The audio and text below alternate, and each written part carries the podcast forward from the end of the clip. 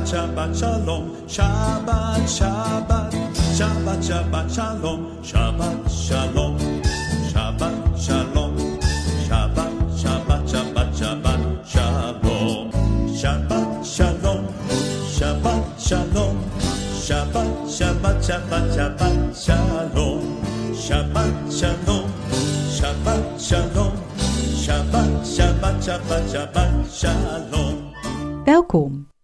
Dit is het leerhuis van Radio Israël. Met elke week de bespreking van een gedeelte uit de eerste vijf boeken van de Bijbel, de Torah, de Haftarah en het Nieuwe Testament. De presentatie is deze week in handen van Tony Jurg. Welkom bij het Leerhuis op Radio Israël. Deze week behandelen we de parasha Bemidbar. En dat is niet alleen de naam van de parasha van deze Shabbat, maar het is ook gelijk het begin van een nieuw boek, Numeri. En dus lezen we deze Shabbat uit de Torah het gedeelte uit Numeri, hoofdstuk 1, vers 1 tot en met hoofdstuk 4, vers 20. Als lezing hebben we deze Shabbat een gedeelte uit Hosea, hoofdstuk 2, van de vers 1 tot en met hoofdstuk 2, vers 22.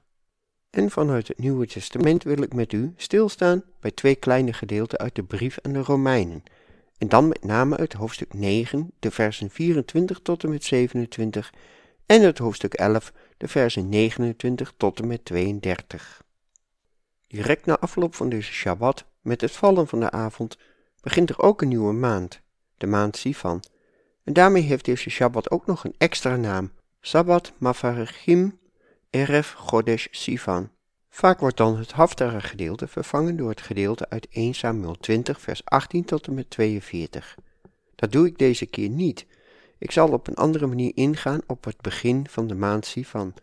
Dat begin van de maand Sivan blijkt namelijk heel relevant voor het tekstgedeelte dat we vandaag behandelen. Dit is namelijk de maand waarin Shavuot, het wekenfeest, valt. De parasha begint gelijk met de precieze tijdsaanduiding. De Midrash Rabbah op het Midbar geeft in zijn commentaar op dit vers aan dat wanneer de eeuwige op het punt staat Israël groot te maken, hij expliciet plaats, de dag, de maand, het jaar en de tijdperk vermeldt. We lezen namelijk in nummer 1 vers 1, in de woestijn van de Sinaï, in de tent van de vergadering, op de eerste dag van de tweede maand, in het tweede jaar nadat zij uit het land Egypte waren getrokken.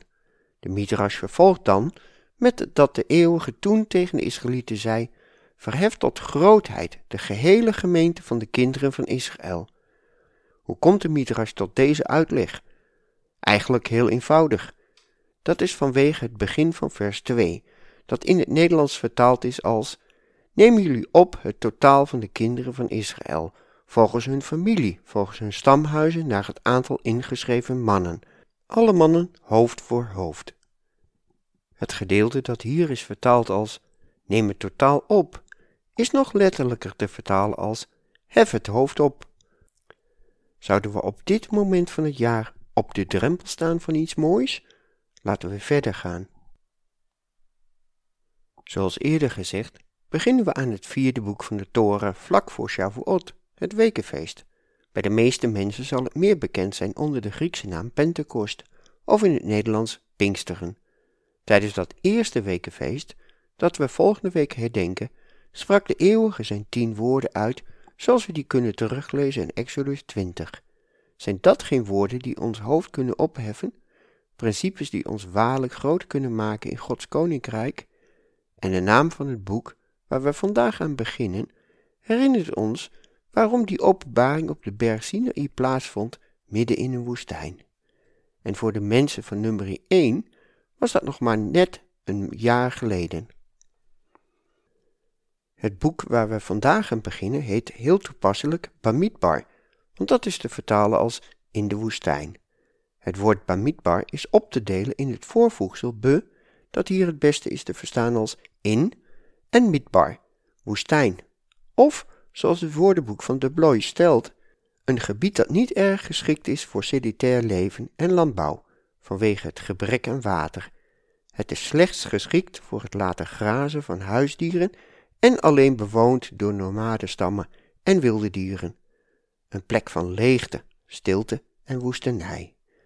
En dan is het des te opmerkelijker dat het Hebreeuwse midbar dezelfde wortel heeft als davar, dat woord betekent.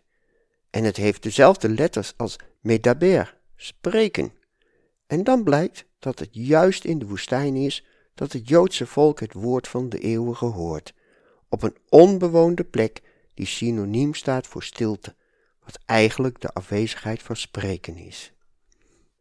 De afwezigheid van een storende achtergrond maakt dat de kinderen van Israël, toen de eeuwige ging spreken, in Exodus 24 vers 7 konden antwoorden met Naase venishma, we zullen het doen en het verstaan. Ik heb het tweede deel bewust vertaald als verstaan, omdat het nishma zowel luisteren en leren begrijpen omvat. Het was op deze afgelegen plek in de woestijn en in het bijzonder op een plek van stilte dat de eeuwige zich kon openbaren aan zijn volk. Zou het dan nu veel anders zijn? Hoe afgeleid zijn wij in onze gehaaste en lawaaiige maatschappij? Valt er geen enkel moment van rust of stilte? En kan de eeuwige daarom vaak niet tot ons hart spreken? Laten we een moment van stilte nemen in ons hart en luisteren naar het lied Daber el Libi, spreek tot mijn hart.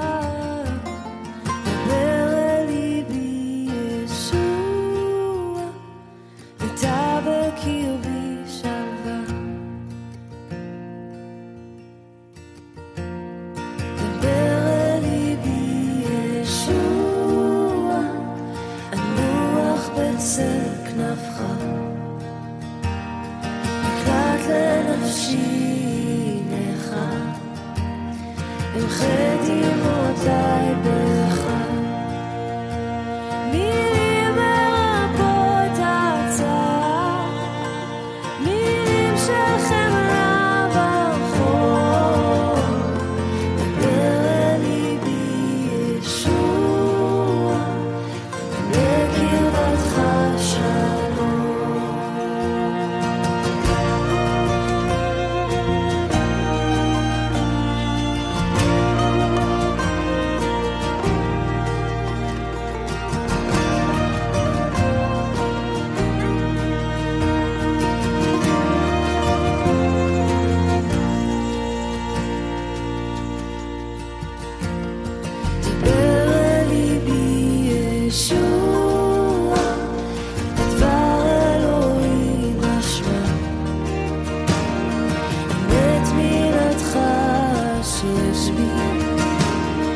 take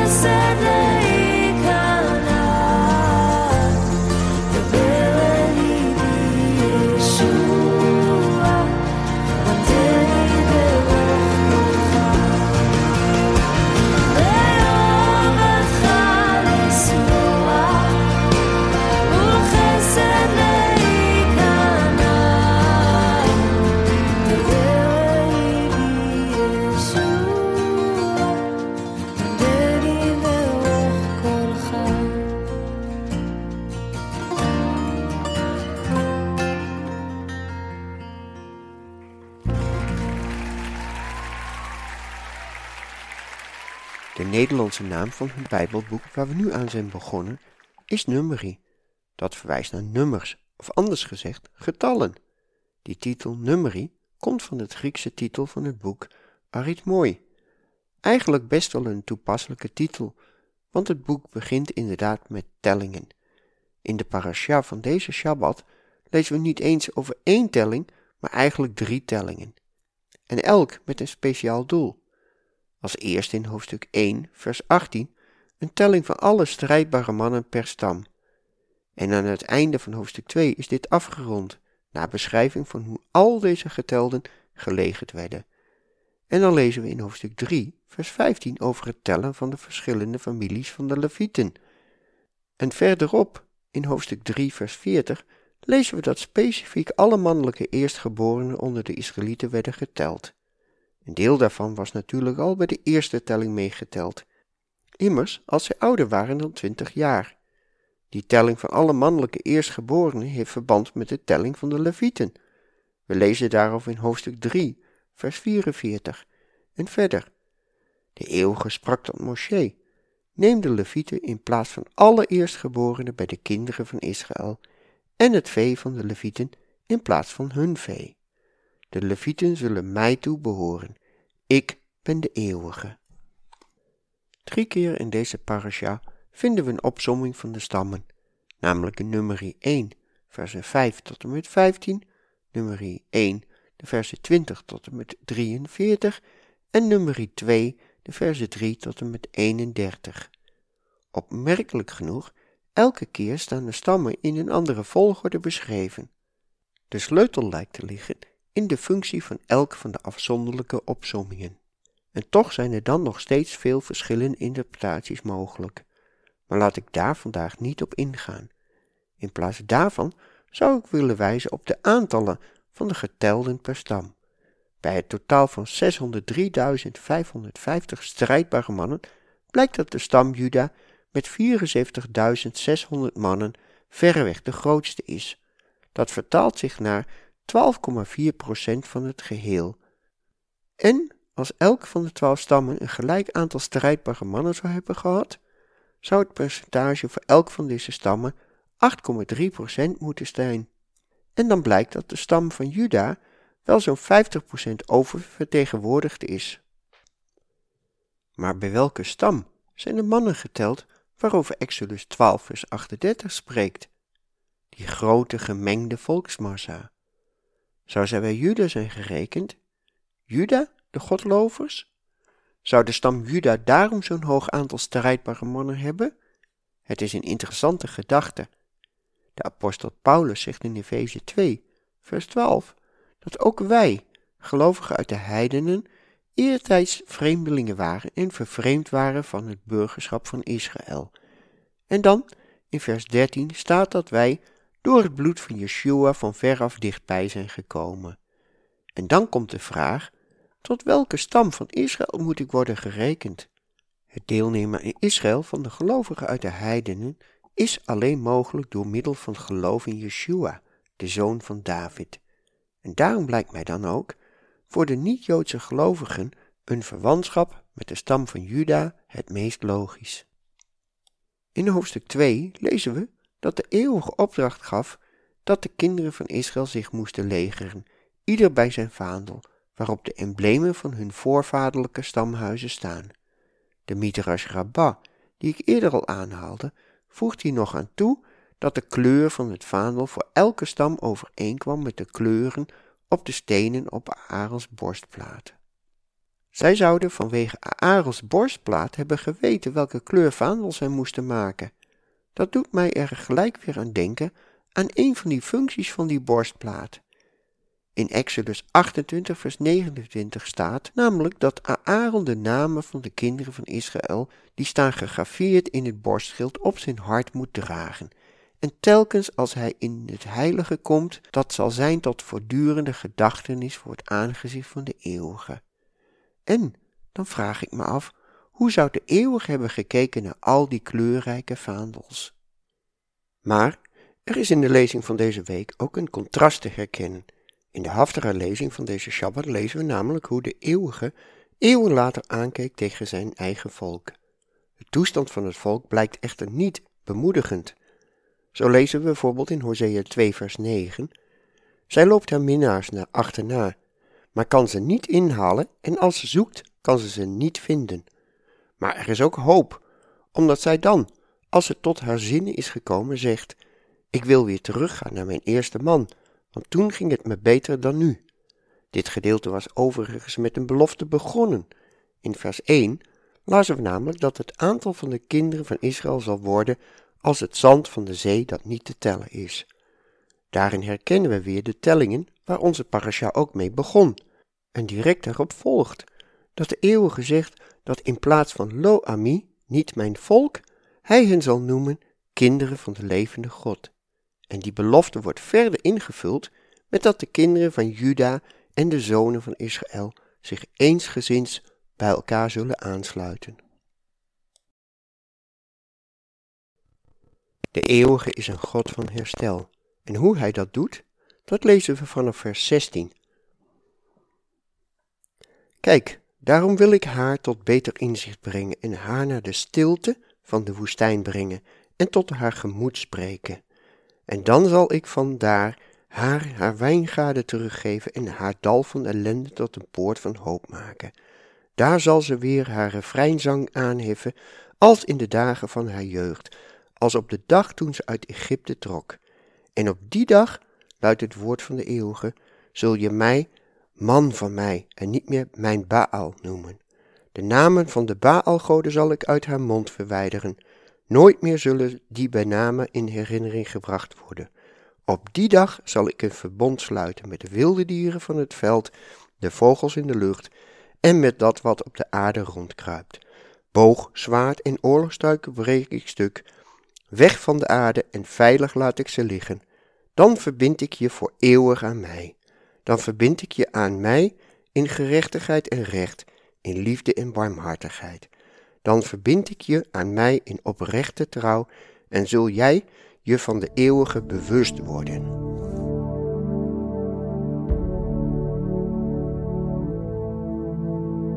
בוא רוח אלוהים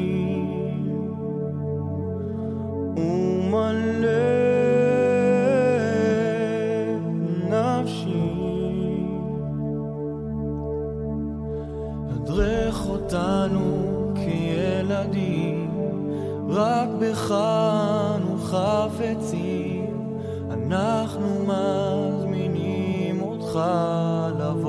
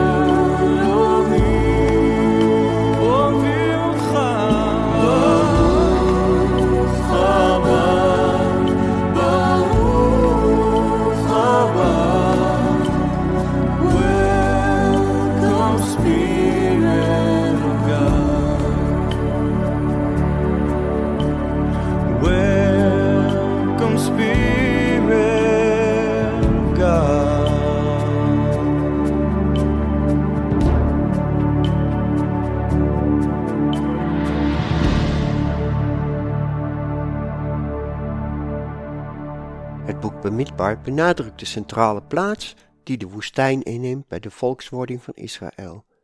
Wat er allemaal in de periode tussen het ontvangen van de instructies van de eeuwig op de berg Sinaï en de aankomst in het beloofde land gebeurt, is een zeer noodzakelijk proces. Het is een soort levensreis en het boek Bamidbar gaat over die reis. En ook wij gaan door zo'nzelfde soort reis. Binnenkort herdenken we het moment dat de eeuwige zijn wetten in ons hart heeft geschreven door middel van zijn heilige geest, de Ruach HaKodesh. Dat is de essentie van Pinksteren. Maar net zoals voor de kinderen van Israël, volgt ook voor ons een reis door de woestijn, voordat we waarlijk in dat beloofde land aan kunnen komen. En tijdens die reis, in die periode van afzondering, als het stil is om ons heen, dan kunnen we de zachte stem van de eeuwige in ons hart horen. Zo'n levensreis is niet zonder gevaren. Soms kunnen we de indruk krijgen dat alles verloren is, dat de eeuwige ons is vergeten, dat zijn volk ten onder gaat. Als die fatalistische gedachten ons overmannen, dan mogen we weer kijken naar hoe de eeuwige een ieder die bij hem behoort heeft geteld. Meer nog dan dat, Yeshua zei zelfs dat de eeuwige ook al onze haren op ons hoofd heeft geteld. Waarom zouden wij ons dan zorgen moeten maken over de dag van morgen, als Hij voor ons zorgt? De eeuwige is een God die telt, en volgens de Midrash Taguma op Parasha hoofdstuk 9, deel 1, telt de eeuwige tien keer zijn eigen volk. Die laatste, tiende keer, is nog in de toekomst. De Midrash zegt het zo. In de komende eeuw zal er een volkstelling worden gehouden, want er is gezegd, de kudde zal weer overgaan in de handen van hem die ze telt. Jeremia 33, vers 13. En in dit geval zal dat zijn wanneer u de totalen opneemt. Ik neem aan dat u, of jij, als luisteraar van Radio Israël bekend bent met wat Paulus heeft geschreven in de Romeinenbrief hoofdstuk 9 tot en met 11. Twee kleine gedeelten uit deze bijzondere hoofdstukken wil ik hier graag met jullie lezen zonder daar al te veel aan te willen toevoegen. Uit Romeinen 9, vers 24. Hen heeft hij ook geroepen, namelijk ons, niet alleen uit de Joden, maar ook uit de heidenen. Zoals hij ook in Hosea zegt, ik zal niet mijn volk noemen, mijn volk, en de niet-geliefden, geliefde. En uit Romeinen 11, vers 29. Want de genadegave en de roeping van God zijn onberouwelijk, zoals ook u immers voorheen Gods ongehoorzaam was, maar nu ontferming verkregen hebt door hun ongehoorzaamheid, zo zijn ook zij nu ongehoorzaam geworden, opdat ook zij door de ontferming die u bewezen is, ontferming zouden verkrijgen. Want God heeft in allen in ongehoorzaamheid opgesloten om zich over allen te ontfermen. Het gedeelte dat hierna volgt is een loflied van Paulus. En ik wil afsluiten met een lied naar aanleiding van dit gedeelte. Het bijzondere is dat dit lied door Joden en Arabieren samen wordt gezongen, in het Hebreeuws en het Arabisch. En daarmee is het ook een profetisch lied, want het spreekt over het moment dat de eeuwige al de door hem gekende bijeenbrengt, uit elke volk, stam, taal en natie. Dan zullen zij zich verenigen met de kinderen van Israël, tot eer en glorie van de eeuwige. Het loflied van Paulus lezen we in Romeinen 11, vers 33 tot en met 36. O diepte van rijkdom, zowel van wijsheid als van kennis Gods. Hoe ondoorgrondelijk zijn zijn oordelen en onnaspeurlijk zijn wegen. Want wie heeft de gedachten van de Heere gekend, of wie is zijn raadsman geweest? Of wie heeft hem eerst iets gegeven en zal hem vergolden worden? Want uit hem en door hem en tot hem zijn alle dingen. Hem zij de heerlijkheid tot in eeuwigheid. Amen.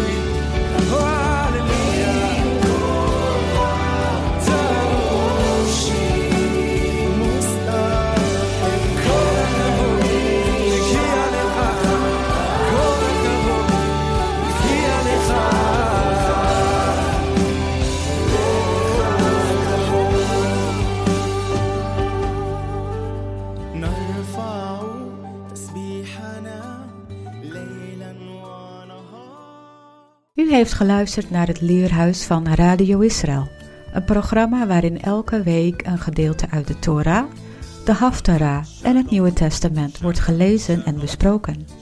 Wilt u het programma nog eens naluisteren, dan kan dat. Ga naar radioisrael.nl en klik onder het kopje radio op uitzending gemist. Shalom, Shabbat, Shabbat, Shabbat, Shabbat, Shalom, Shabbat, Shabbat, Shabbat, Shabbat, Shalom, Shabbat, Shalom, Shabbat, Shalom, Shabbat, Shabbat, Shabbat, Shabbat, Shalom, Shabbat, Shalom, Shabbat, Shalom, Shabbat, Shabbat, Shabbat, Shabbat, Shalom, Shabbat, Shalom, Shabbat, Shalom, Shabbat, Shabbat, Shabbat, Shabbat, Shalom.